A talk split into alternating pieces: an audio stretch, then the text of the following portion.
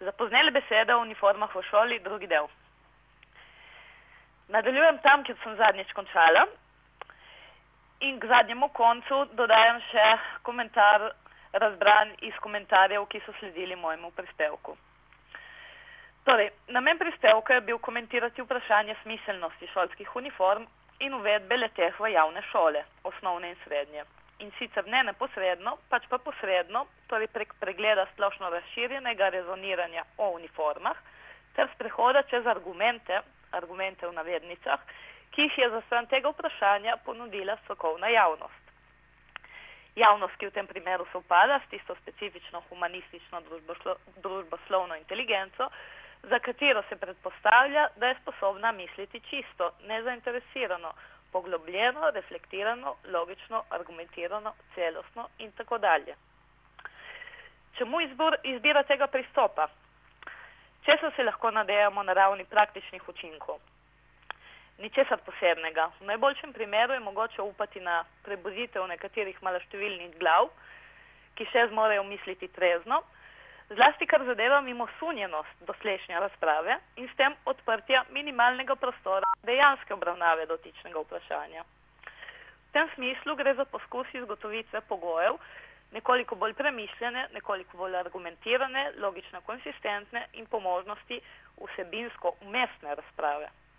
Razprave, ki ne bi bila obremenjena z vnaprejšnjimi predsotki, vrednostnimi obsodbami, osebnim odporom, afekti in ostalimi subjektivnimi nagnjenji, ki praviloma spremljajo izpostavljeno problematiko in ki so toliko bolj značilna za slovensko javno politični prostor, obsedenem z iskanjem totalitarnih pošasti. No, zakaj vprašanje šolskih uniform smiselno obravnavati preko vinka strokovnega odzivanja na njo? Ali je mogoče pokazati še na kakšne druge razloge, poleg omenjenega ozaveščevalnega učinka, razloge, ki so teoretsko relevantni in podpirajo to vrsten prijem problematike.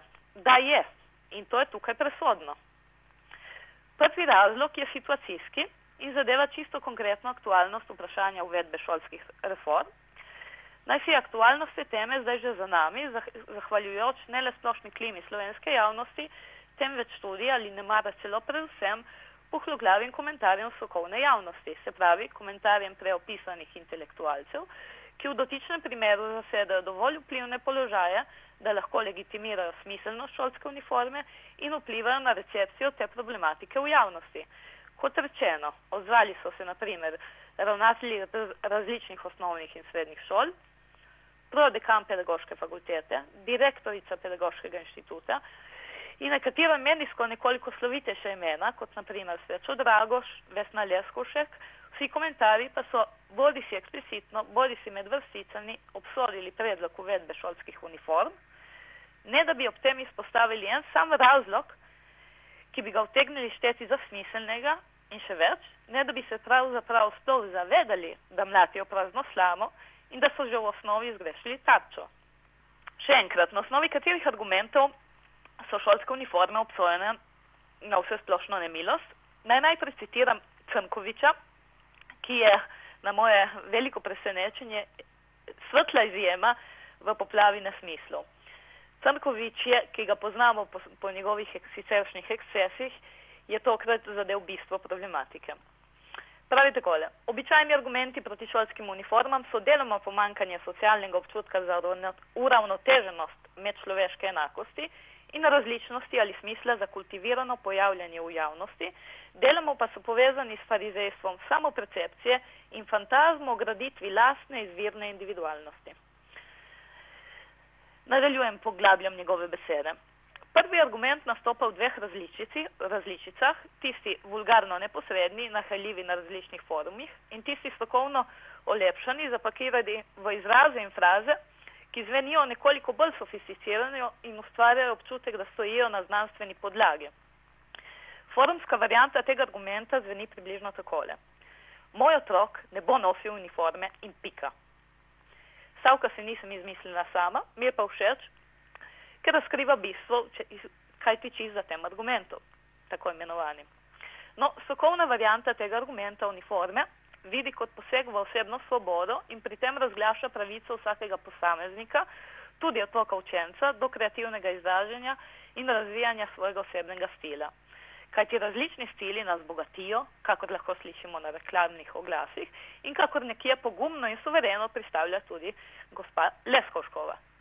Drugi argument se sklicuje na manjko tradicijo, čež da v Sloveniji nimamo nobene tradicije nočenja uniform. Pa poglejmo. Prvič ta postavka je popolnoma lažna, uniforme so vseli spremljene slo, slovenske šolarje, poznamo jih od začetka slovenskega šolca, šolstva, nosile so jih tudi naše babice, tako imenovane šolske halje, in uniforma je bila del šolskega vsakdana tudi v določenem obdobju nekdanje Jugoslavije. Skratka, ni res, tradicijo imamo, a to je tako ali tako povsem nebistveno. Lepo prosim, kdaj pa je tradicija argument česarkoli, kar zadeva sodobno šolstvo? Vse nove smernice, novi trendi, nove izobraževalne metode, novi učni cilji, vse sodobne izobraževalne reforme so bile sprejete brez kakršne koli tradicije. Pogosto celo v imenu njenega izkoreninjanja. Ali ima neskončna poplava izbirnih predmetov v osnovni šoli, predmetov, ki zvenijo kot seminarija, seminari ala Sonce, Luna in Zemlja ali pa človek in zvezde in podobne neumnosti, kakršnokoli tradicijo? Seveda ne. In obratno, predstavljajmo si, kaj bi se primerilo, če bi se kdo zauzemal za novično upeljavo obvezne latinščine v osnovno in srednjo šolo, sklicujoč se na večstoletno tradicijo. Najbolj se strinjamo, da bi se takšnemu retrogradnemu dinozauru smejali. Tretjič, potem je mogoče slišati argument, ki zveni nekako takole. Uniforme so nebistvene in naj ne bi pridonesle ničesar. Problem socialne-ekonomske neenakosti med učenci in krivic, ki nastajajo pričo tega, ne bi bil s tem, tako pravijo, kakorkoli odpravljen, ker da se učenci uveljavljajo in pripoznavajo tudi z drugimi označevalci, ne le oblekami, naprimer telefoni, avtomobili svojih staršev, zgodbami o tem, o tem, kje so preživeli počitnice, eni na jahti, drugi doma in tako dalje. Na tem izkoristim priložnost in povem, zakaj je ta postavka, poleg tega, da je povsem banalna, tudi nekoliko prekratka. Prekratka je zato, ker ne upošteva vzgojnega sporočila, navzočega med vrsticami, lepše rečeno, med tkaninami šolske uniforme. Vzgojna je dejansko šolske uniforme učenca ne vede in mimo njegove zavesti uči, da je enakost med učenci nekaj dobrega in da je vrednostno polariziranje učencev na osnovi razlike v finančnem premoženju staršev krivično, nično, brezvredno in neumno in da dopustovanje na jahti ni ravno nekaj, s čimer bi se veljalo šopiriti. To vrstno šopiranje, pravi uniforma malemu bahaču, je znamenje tvoje duhovne revščine. Svojo vrednost raje dokaži s čim drugim. Tukaj ni mesto za pravljice o jahtah in njenih jahačih. Njihova vrednost je v našem prostoru neznatna in tako dalje. To je sporočilo, ki ga uniforma tako rekoč sama po sebi prinaša, Toliko bolj, če je ob tem podkrepljena z besedami in gestami učiteljice, staršev, prevladujočega mnenja javnosti in tako dalje. Če še nekoliko konkretiziram, zlahka si je mogoče predstavljati mladega človeka, ki se kljub premožnosti lastnih staršev ne zmeni ne za oblečila, ne za telefone, ne za blagovne znamke ali jahaške avanture. Gotovo ga poznamo. In kaj, bomo verjeli, da je njegovo vedenje, angliži bi rekli attitude, naravno, spontano in svobodno izbrano? Verjetno ne. Gre za dobro vzgojenega človeka, ki je povsem, verjetno povsem nehote ponotranju drugačne kriterije vrednotenja. Četrtič, najbolj neumen argument proti uniformam pa je tisti, ki polemizira z idejo, da uniforme zgolj na vides in samo na vzven zmanjšujejo socialne razlike. Če socialne razlike bi radi namenoma samo prikrivali, da vam jih ne bi bilo treba v resnici odpravljati. Najbolj neumen pravim zato, ker si ta argument domišlja ali pa se prenareja, da je ne vem kako sofisticiran in strašansko moder. Kritični intelektualci so ga plasirali, kako da bi v njem šlo za pravcato odkritje resnice, novi evangeli. Aha, zdaj pa smo vas grde, grde in lumpe in zlovne politike dobili. Nekaj takega. O tem, kako absurden je ta argument, sem govorila že zadnjič in se tukaj ne bom ponavljala. Naj na mesto tega izpostavim neko abotno komparacijo, ki jo navaja gospod Srečo Dragoš. Javno izkazovanje revščine so preganjali že v srednjem veku, pravi. Potem je prišel Karen Veliki, ki je brezdomce poslal na vislice. In nekaj podobnega naj bi zdaj ukrenila vladajoča politika, ki bi rada upeljala šolske uniforme. Za Boga miloga, oprostite na slengu, kakšno fucking svojo zvezo ima Karel Glupi, ki obeša brezdomce, šolo, ki vse učence, tudi tiste manj premožne, oblači enako. S tem končujem obrazložitev prve točke, ki je zadevala vprašanje čisto konkretne aktualnosti šolske uniforme in smiselnosti ubranega pristopa pri obravnavi te teme. Drugi razlog, zakaj je šolske uniforme smiselno obravnavati preko vinka strokovnega odzivanja na nj, pa je naslednji. Odzivi strokovne javnosti glede izpostavljene teme in njihova v oči bijoča topoumnost so zelo zgovorni, kolikor pričajo o intelektualni revščini oziroma lenobi mišljenja današnjih intelektualcev. Slednji so posledično indikator širših družbenih procesov in predvsej bolj daljnosežnih problemov, ki pestijo današnjo družbeno stvarnost.